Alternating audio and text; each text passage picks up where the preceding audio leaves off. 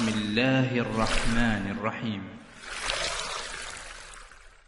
Kita lanjutkan bahasan kita dari kitab Tauhid. Kita masuk pada bab ke-32, bab qaulullahi ta'ala fa'alallahi fa'alallahi fat, wa 'alallahi fatawakkalu in kuntum mu'minin. Wa 'alallahi fatawakkalu in kuntum mu'minin. Dan hanya kepada Allah lah kalian bertawakal jika kalian beriman. Ini merupakan rangkaian dari bab-bab sebelumnya di mana Syekh Muhammad bin Abdul Wahab rahimahullahu taala mulai membahas tentang ibadat qalbiyah, amalan-amalan hati. Sudah kita bahas sebelumnya tentang al-mahabbah, cinta kepada Allah dan bagaimana syirik terjadi pada masalah cinta kepada Allah. Terus kita lanjutkan pula tentang al-khauf minallah, takut kepada Allah, bagaimana syirik dalam al-khauf, masalah khauf dan sekarang kita akan bahas tentang tawakal. Bahwasanya tawakal hanya untuk Allah. Bahkan Allah berkata, "Wa 'alallahi fatawakkalu." Hanya kepada Allah lah hendaknya kalian bertawakal in kuntum mu'minin jika kalian benar-benar beriman. Dan tawakal adalah ibadah yang sangat agung ya. Sampai-sampai sebagian ulama mengatakan atawakkal, atawakkul bahasa Arabnya tawakkul ya. Tawakkul adalah nisfuddin. Tawakal itu setengah agama. Karena ibadah atau agama dibangun di atas ibadah dan tawakal. Ibadah dan tawakal. Karenanya dalam Al-Quran banyak ayat menggandengkan antara ibadah dengan tawakal. Contohnya, Iyaka na'bud wa iyaka nasta'in. Ini ayat kita diperintahkan untuk baca banyak sekali. Paling tidak minimal dalam satu hari 17 kali dalam solat lima waktu. Ya, kita baca iyyaka na'bud hanya kepada Engkau lah kami beribadah wa iyyaka nasta'in dan hanya kepada Engkau lah kami mohon pertolongan. Itulah apa? Tawakal. Hmm. Ya, alaihi tawakkaltu wa ilaihi unib. Hanya kepada Allah aku bertawakal dan kepadanya lah aku kembali. Allah berfirman fa'buduhu wa tawakkal alaih. Beribadahlah dan bertawakal kepada Allah Subhanahu wa taala.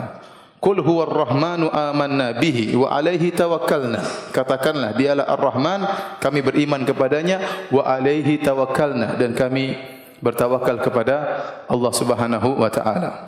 Wa tawakkal 'alal azizir 'alal azizir rahim alladhi yaraka hina taqum wa taqallubaka fis sajidin innahu wasamiul alim. Bertawakallah kepada Allah yang melihat engkau tatkala engkau sedang salat. Jadi banyak sekali dalam Al-Qur'an ayat-ayat menggandeng antara antara ada antara ibadah dengan uh, tawakal. Yang menunjukkan bahwasanya yang menunjukkan bahwasanya tawakal adalah setengah daripada agama. Hadirin dan hadirat yang dirahmati oleh Allah Subhanahu wa taala. Uh, oleh karenanya Allah Subhanahu wa taala mencintai orang-orang yang bertawakal. Innallaha yuhibbul.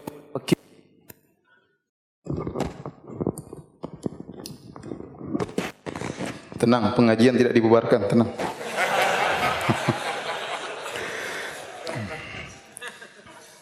Allah Subhanahu wa taala berfirman ya Inna Allah yuhibbul mutawakkilin. Sungguhnya Allah mencintai orang-orang yang bertawakal. Tawakal ini ibadah yang sangat hebat. Oleh karenanya di antara ciri-ciri orang-orang yang masuk surga tanpa azab dan tanpa hisab kata Allah Subhanahu wa taala wa ala rabbihim kalun wa ala rabbihim yatawakkalun dan mereka bertawakal kepada Rabb mereka Apakah itu hakikat tawakal? Kita akan bahas pada kesempatan kali ini. Tolong antum perhatikan dengan serius ke papan tulis ya.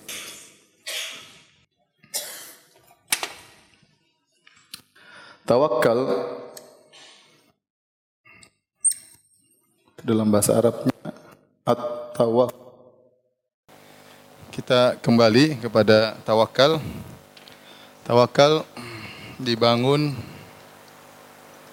di atas di atas dua perkara ya. Yang pertama adalah eh, tafwidul amr ila Allah itu menyerahkan urusan menyerahkan urusan sepenuhnya kepada Allah.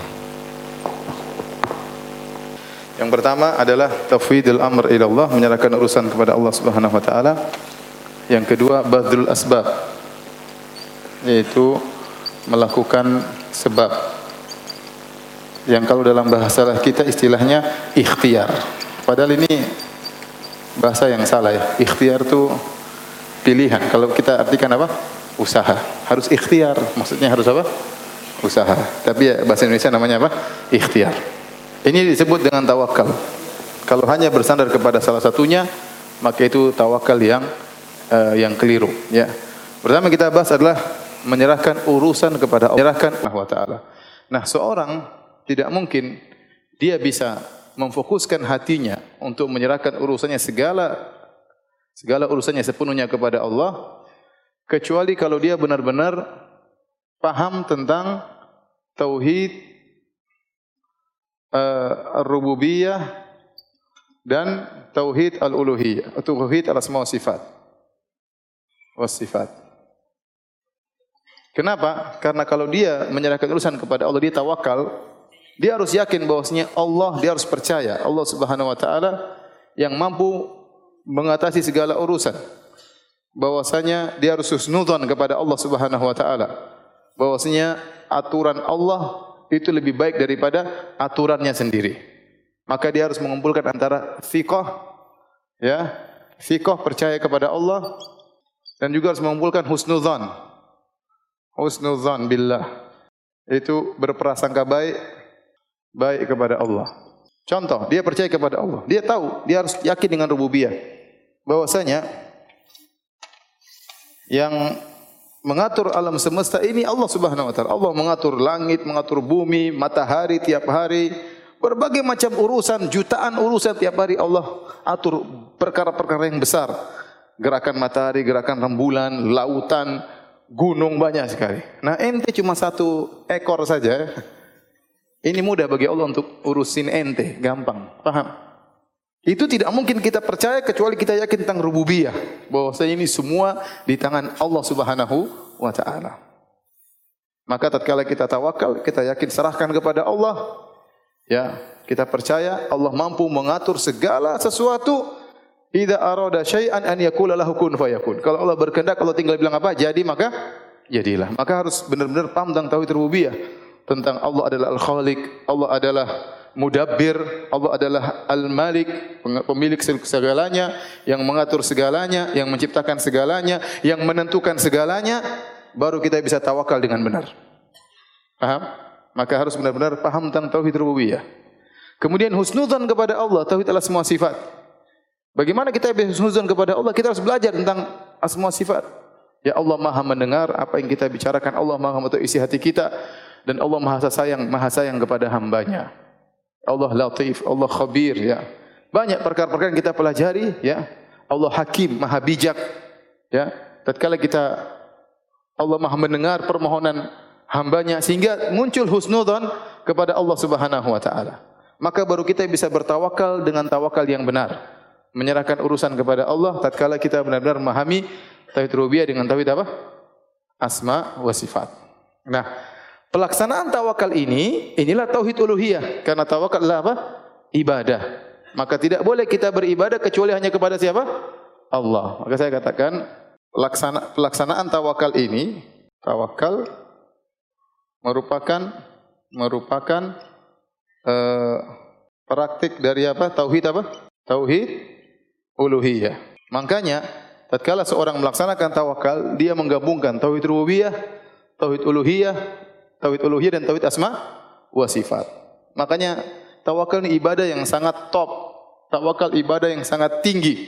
Karena di balik kalimat tawakal itu banyak sekali ibadah yang dikumpulkan oleh tawakal. Banyak sekali. Di antaranya pengetahuan hamba, pengetahuan hamba, wawasan hamba tentang tauhid rububiyah, wawasan hamba tentang tauhid asma wa sifat, wawasan hamba bagaimana yang benar tentang tauhid uluhiyah. Maka dia bisa bertawakal dengan tawakal yang benar. Dari sini dari ini semua warna merah enggak ada ya? Dari ini semua kata Ibnu Al-Qayyim rahimahullahu taala menukil dari Syekhul Islam Taimiyah rahimahullahu taala bahwasanya ada tiga kelompok atau tiga orang yang sulit untuk bertawakal atau tiga golongan. Yang pertama adalah ahli filsafat, failisuf. Failisuf artinya ahli filsafat. Bahasa Indonesia apa filsafat? Hmm? Failisuf sama? Hah? Filsuf. Ya. Filsuf. Kenapa? Karena seperti pakar filsafat seperti Ibnu Sina, dia berpendapat bahwasanya Allah Subhanahu wa taala tidak mengetahui uh, segala perkara dengan detail, tetapi Allah hanya mengetahui secara global. Ilmu Allah itu ilmu Allah la yata'allaq bil juz'iyat. Ya, bahwasanya Allah ilmu Allah tidak berkaitan dengan yang secara detail. Ini syubhatnya Ibnu Sina dan ini termasuk dalam tesis saya waktu saya S2. Kenapa dia punya syubhat kata dia? Allah itu tidak mungkin tahu segalanya secara detail. Allah hanya tahu secara global. Kenapa kalau tahu secara detail banyak hal-hal yang buruk yang Allah ketahui. Contoh ente. Ente kalau Allah tahu, tahu secara detail, ente masuk WC, ente buang hajat, masa Allah tahu perkara-perkara begini? Allah suci untuk mengetahui hal seperti ini. Berarti Allah hanya tahu yang global-global. Nah, kalau orang meyakini Allah hanya mengetahui yang global-global, bagaimana dia mau tawakal? Jangan-jangan Allah tidak tahu tentang apa yang saya alami. Jangan-jangan Allah tidak tahu bagaimana isi hati saya. Maka susah bagi orang yang ahli filsafat yang terkena syubhatnya seperti syubhatnya Ibnu Sina kemudian untuk bertawakal kepada Allah dengan tawakal yang sesungguhnya. Paham? Paham tidak? Paham tidak? Kalau enggak paham saya ulangi. Kalau enggak paham lagi saya pulang. Baik, yang kedua uh, yang susah untuk bertawakal adalah qadariyah. Kenapa susah untuk bertawakal? Karena Qadariyah meyakini bahwasanya uh, perbuatan hamba di luar kekuasaan Allah. Ini masalah takdir. Tapi mereka mengatakan af'alul ibad ghairu makhluqah. Bahwasanya perbuatan hamba bukan ciptaan Allah Subhanahu wa taala. Demikian juga mereka meyakini bahwasanya Allah tidak mungkin menghendaki adanya keburukan. Berarti ada sesuatu yang keluar dari kehendak Allah Subhanahu wa taala, ya. Ada sesuatu di luar kehendak Allah. Jadi segala perkara ada artinya tidak semua kehendak Allah terjadi. Ada beberapa perkara-perkara yang luar dari kehendak Allah dan susah kita bertawakal kepada Tuhan yang tidak semua kehendaknya terjadi. Faham? Susah. Apalagi kalau qadariyah yang gulat. Qadariyah ada dua, ada yang ekstrim, ada yang tidak. Tadi yang saya sebutkan tadi yang bukan ekstrim. Yang ekstrim mengatakan Allah tidak mengetahui kecuali setelah terjadi. Repot. Kita mau tawakal sama Tuhan yang tidak tidak tahu apa-apa kecuali setelah terjadi. Repot kalau Tuhan seperti ini kita mau tawakal. Paham? Oleh karenanya susah bagi Qadariyah untuk menerapkan apa? Tawakal. Paham? Yang ketiga Jahmiyah. Jahmiyah susah bertawakal kenapa? Karena Jahmiyah menolak sifat-sifat Allah yang sempurna. Allah tidak mendengar, Allah tidak mencintai, Allah tidak dicintai. Ya, ini mereka punya syubhat yang banyak. Nah, kita ingin tawakal kita bagaimana menghusnudzon kepada Allah? Allah mengatakan Inna Allah yuhibbul mutawakkilin. Allah cinta kepada orang yang bertawakal. Dalam hati kita Allah tidak mungkin mencintai. Ya Allah tidak cinta saya. Gimana Allah perhatian sama sama saya? Faham? Tapi kalau kita yakin Allah mencintai, Allah sayang kepada hambanya, kita akan husnudzon.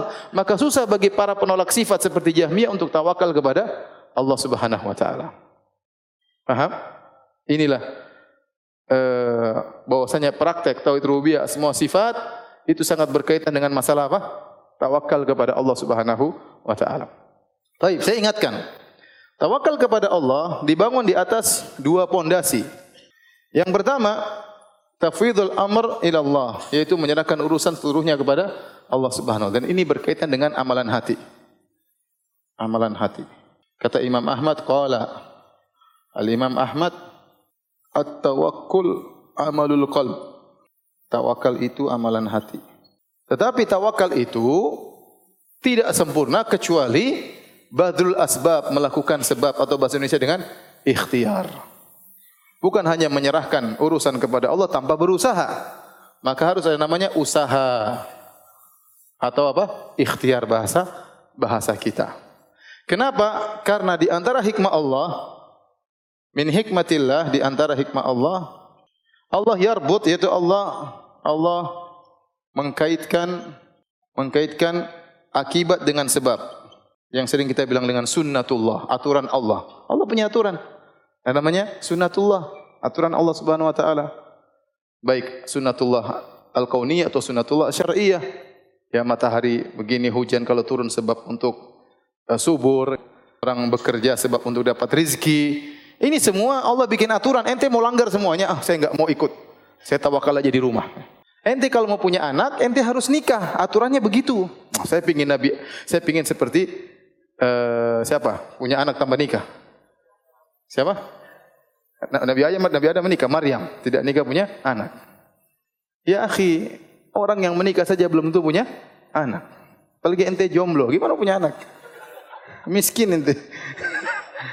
Dia ingin melanggar semua aturan Allah. Allah sudah bikin aturan banyak namanya sunatullah. Dia ingin melanggar semuanya. Enggak benar. Ente kalau mau dapat tahqiqul murad, ingin dapat tujuan, Anda harus mengikuti sunatullah, usaha. Tetapi ini semuanya sebab yang menentukan akibat siapa? Allah Subhanahu wa taala. Yang menentukan akibat hanyalah Allah Subhanahu wa taala.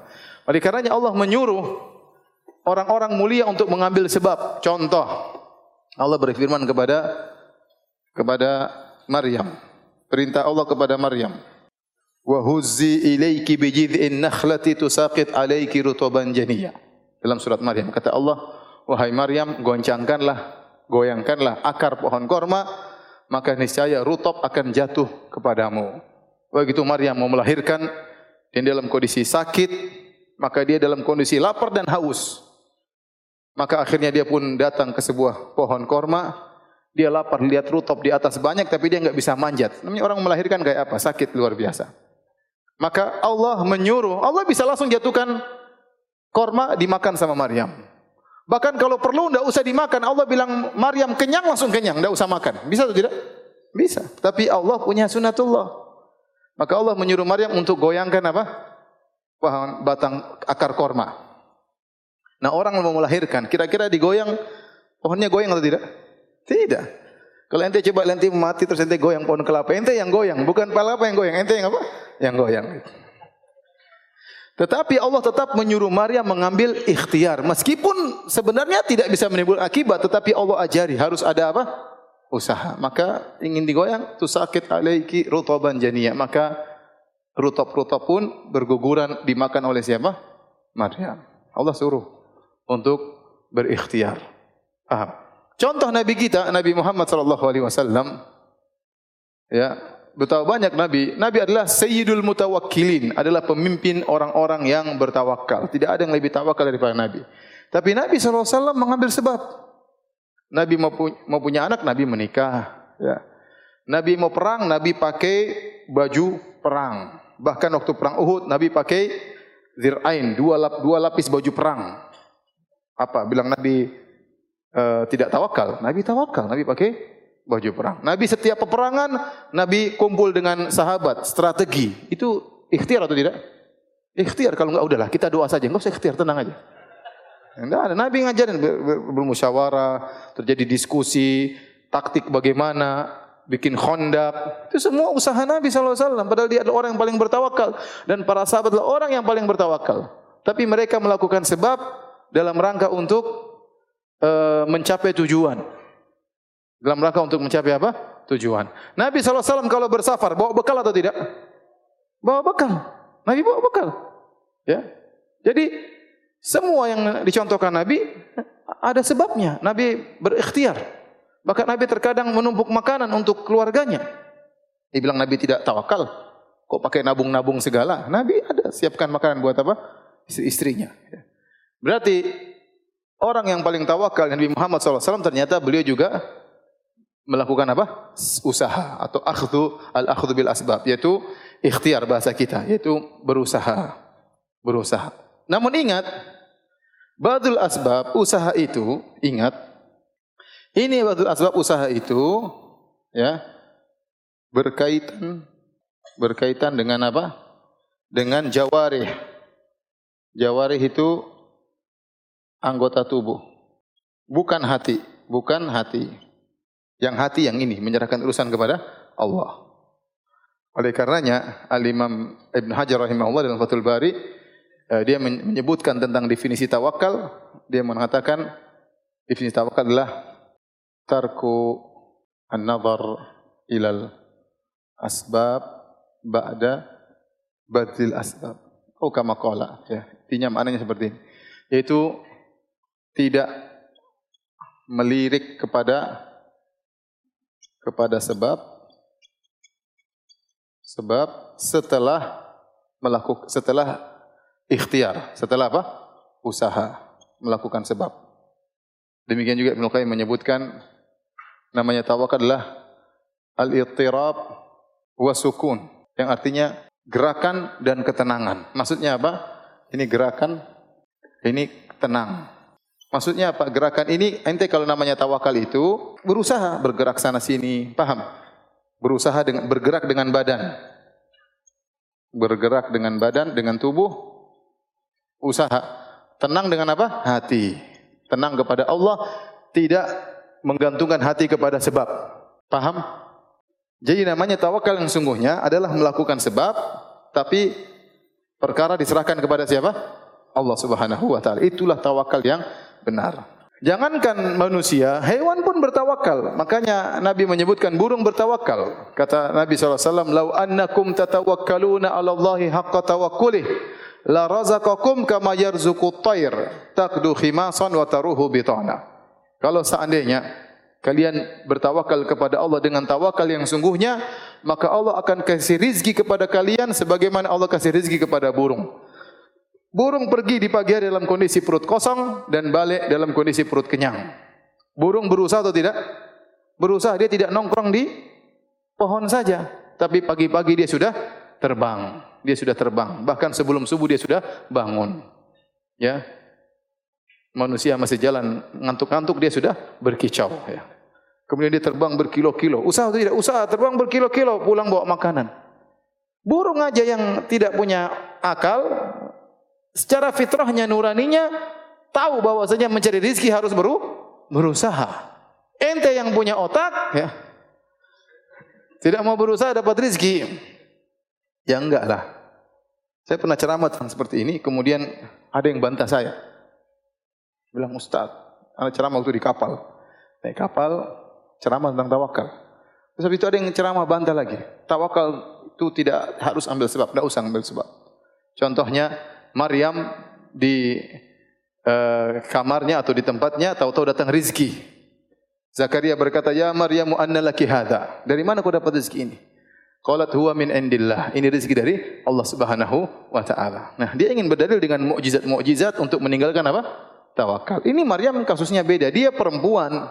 Kalau ente perempuan di rumah saja datang kue ya itu memang mukjizat namanya.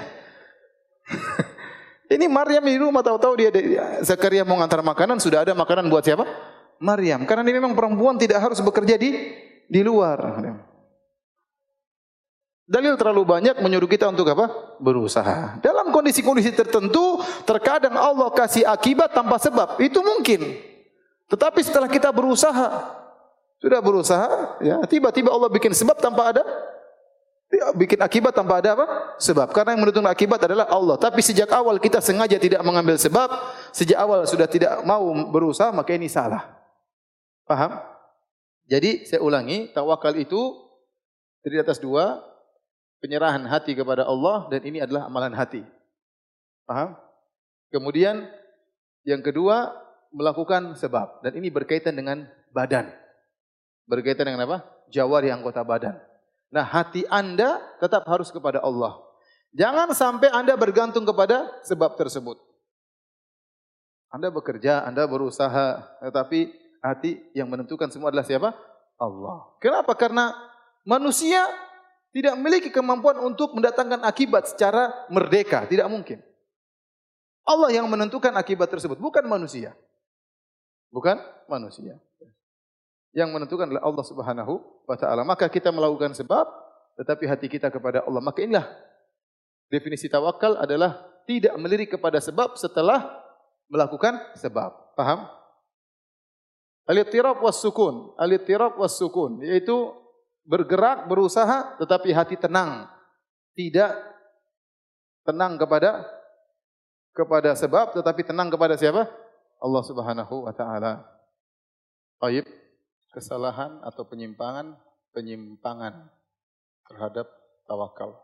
Yang pertama, tawakal syirki, tawakal yang syirik akbar. Kedua, tawakal yang syirik kecil.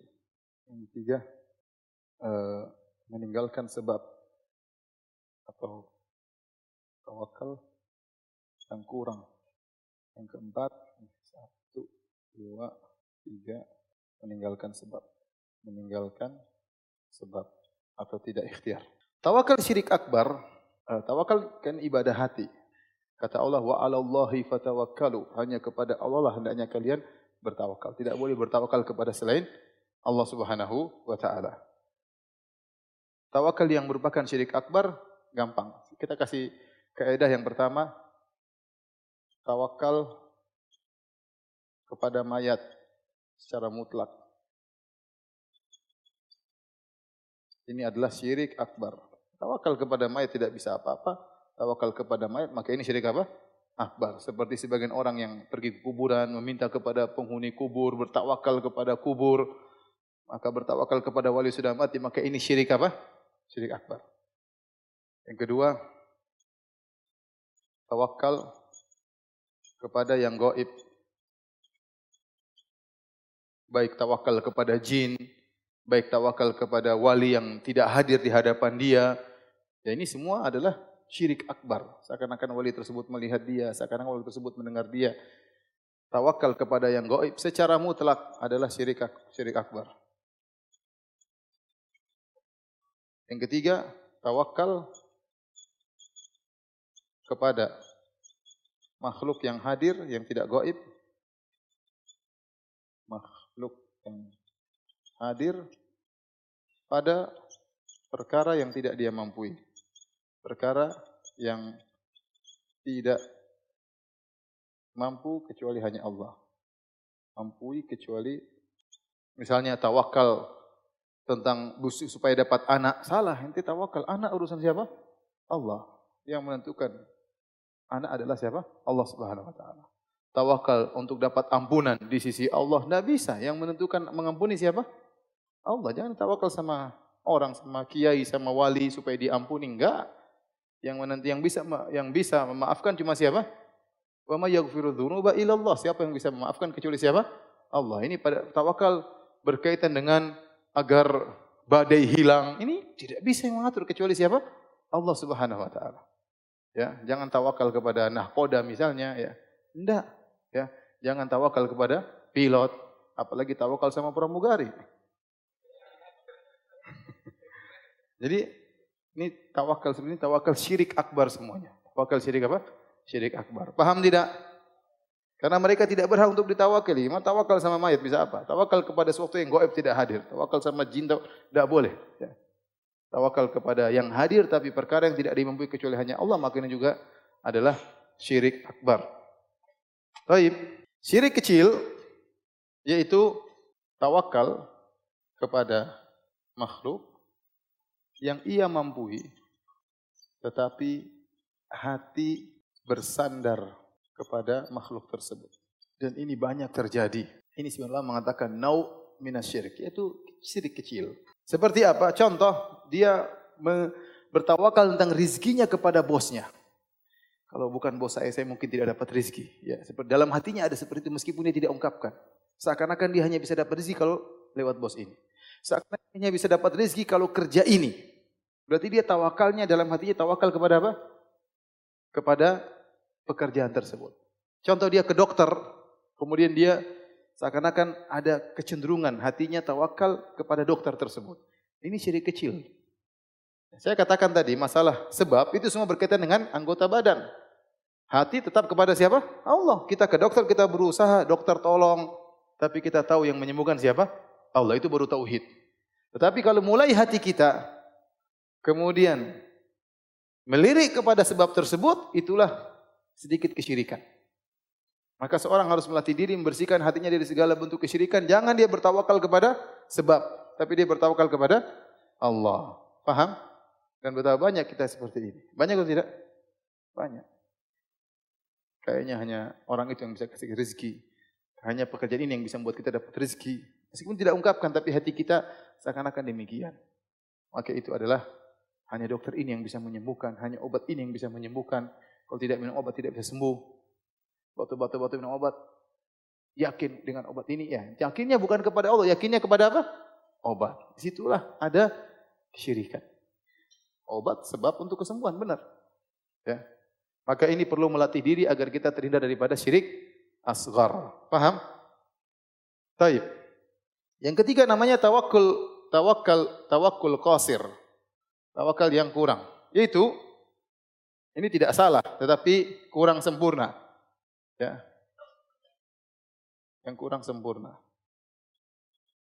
Yaitu hanya tawakal kepada perkara-perkara yang perkara-perkara tertentu. Sementara pada perkara-perkara yang besar, perkara yang besar tidak tawakal. Banyak orang, banyak orang tawakalnya ya, banyak orang kalau bicara tawakal tawakal maksudnya apa? Maksudnya tawakal dalam dalam mencari pekerjaan, mencari rezeki. Ya, kamu harus rizki, tawakal kalau cari rezeki. Benar atau salah? Benar. Kamu harus tawakal kalau cari jodoh. Benar atau tidak? Kamu jangan jomblo aja, tawakal. Berusaha. Jadi yang dijadiin tawakal ini, tawakal cari rezeki, tawakal jodoh, tawakal tatkala sakit. Ini benar, ini tidak salah. Tapi di sini ada perkara-perkara yang kita lebih tawakal seperti ibadah, tatkala sholat, tatkala haji, tatkala dakwah. Ini perkara yang besar. Jadi tawakal kebanyakan orang menyangka hanya perkara dunia. Padahal tawakal itu juga berkaitan dengan perkara apa? Ibadah. Dan tadi kita sebutkan di awal pengajian banyak ayat yang mengkaitkan antara tawakal dengan ibadah. Iya karena abud wa iya karena stain. Hanya kepada engkau beribadah, hanya kepada engkau kami bertawakal. Fa'buduhu wa tawakkal alaih. Beribadahlah dan bertawakal kepada Allah. Allah gantikan adalah tawakal dengan ibadah. Wa tawakkal ala azizir rahim. Alladhi yarauka hina taqum. Wa taqallubaka fis sajidin. Innahu samiul alim. Bertawakal kepada Allah yang melihat engkau tatkala engkau sedang sujud, sedang salat. Jadi kita harus tawakal, haji tawakal, salat tawakal, ya. Bersedekah kita serahkan kepada Allah tawakal, apalagi dakwah. Makanya para anbiya mereka dulu bertawakal dalam dakwah. Kata Allah, para anbiya berkata, "Wa ma lana alla natawakkala 'ala Allahi wa qad hadana subulana." Wala nasbiranna ala ma adaitumuna ala ma awakal kepada kata para nabi. Ya. Wa qad hadana subulana. Allah telah memberikan kami petunjuk kepada jalan-jalan yang benar. Sungguh kami akan sabar dengan gangguan kalian. Para nabi menunjukkan kami tawakal dalam apa? Dakwah. Kita dakwah perlu tawakal. Tawakal dalam dakwah tawakal dalam menyampaikan tawakal dalam berusaha. Tawakal serahkan kepada Allah. Fatawakkal ala Allah innaka alal haqqil mubin Kata Allah kepada Nabi SAW, bertawakallah kepada Allah. Wahai Muhammad, sungguhnya kau berada di atas kebenaran yang nyata. Allah suruh Nabi bertawakal dalam apa? Dakwah. Jadi jangan disangka tawakal hanya pada perkara dunia. Dalam ibadah juga perlu apa? Tawakal. Antum dakwah perlu tawakal. Antum umrah perlu tawakal. Antum haji perlu tawakal. Antum solat tawakal kepada Allah. Serahkan. Ya Allah, saya ini solat penuh dengan kekurangan. Saya tidak bisa solat khusyuk kecuali dengan pertolonganmu. Itu menunjukkan tawakal kepada Allah subhanahu wa taala. Paham? Jadi ini tawakal yang kurang sem sempurna yaitu membatasi tawakal hanya pada perkara apa? Dunia. Paham? Tidak lanjutin. Kesalahan yang keempat meninggalkan sebab. Sebagian orang menyangka namanya tawakal yang sempurna itu tidak melakukan sebab. Itu berarti terbukti ente memang menyerahkan urusan kepada Allah. Jangan lakukan sebab. Sampai sebagian orang, Syekh Abdul Razak cerita, sebagian orang buat cerita-cerita supaya kaidah tawakal dibuang. Sebagian orang, dengarlah ikhwan, ada teman kita, dia ingin berdakwah, maka dia pergi meninggalkan istrinya.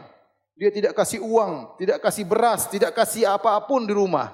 Terus yang ditinggalkan apa? Cuma panci sama batu. Disuruh masak, terus berangkatlah dia berdakwah. Istrinya bingung bagaimana caranya. Sudah kamu masak saja, tawakal sama Allah.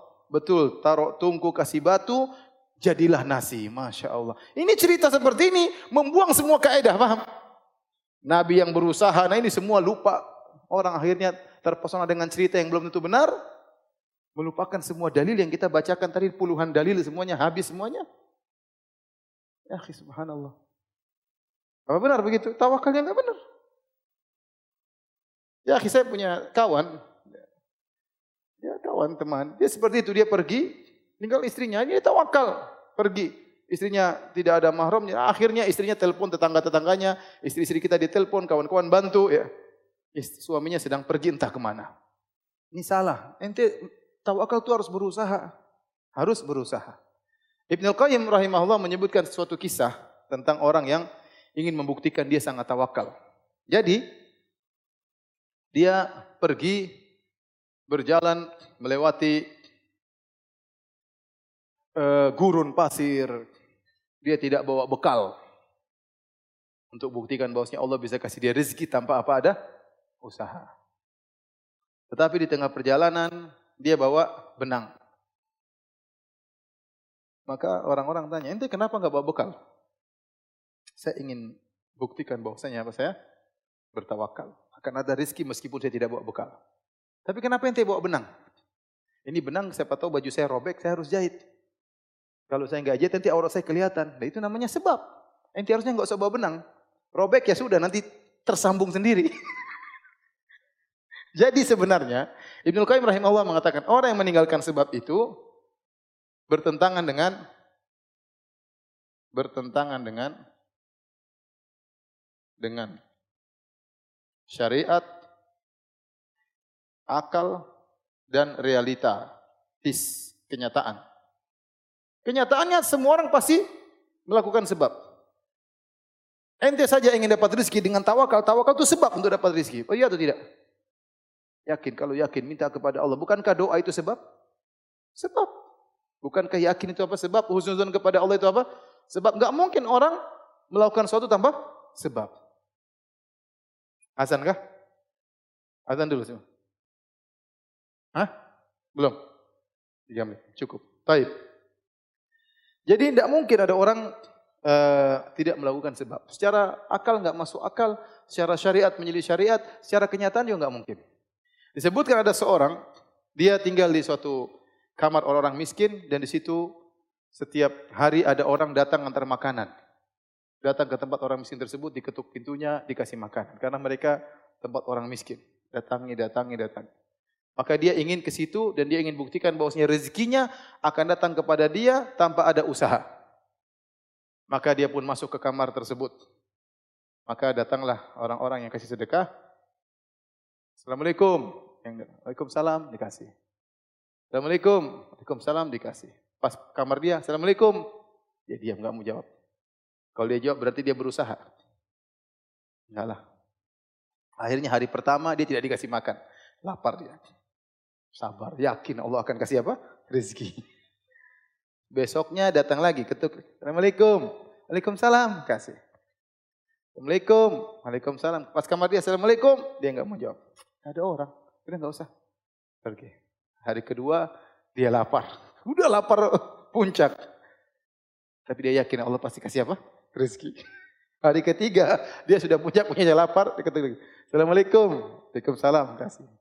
Kamar temannya, Assalamualaikum. Kasih. Pas kamar dia, Assalamualaikum. Dia nggak mau jawab. Ya nggak ada orang, akhirnya dia. oh ada orang. itu usaha, tahu nggak? saya dengar cerita ini dari seorang syekh, benar atau tidak Allah alam. Ya.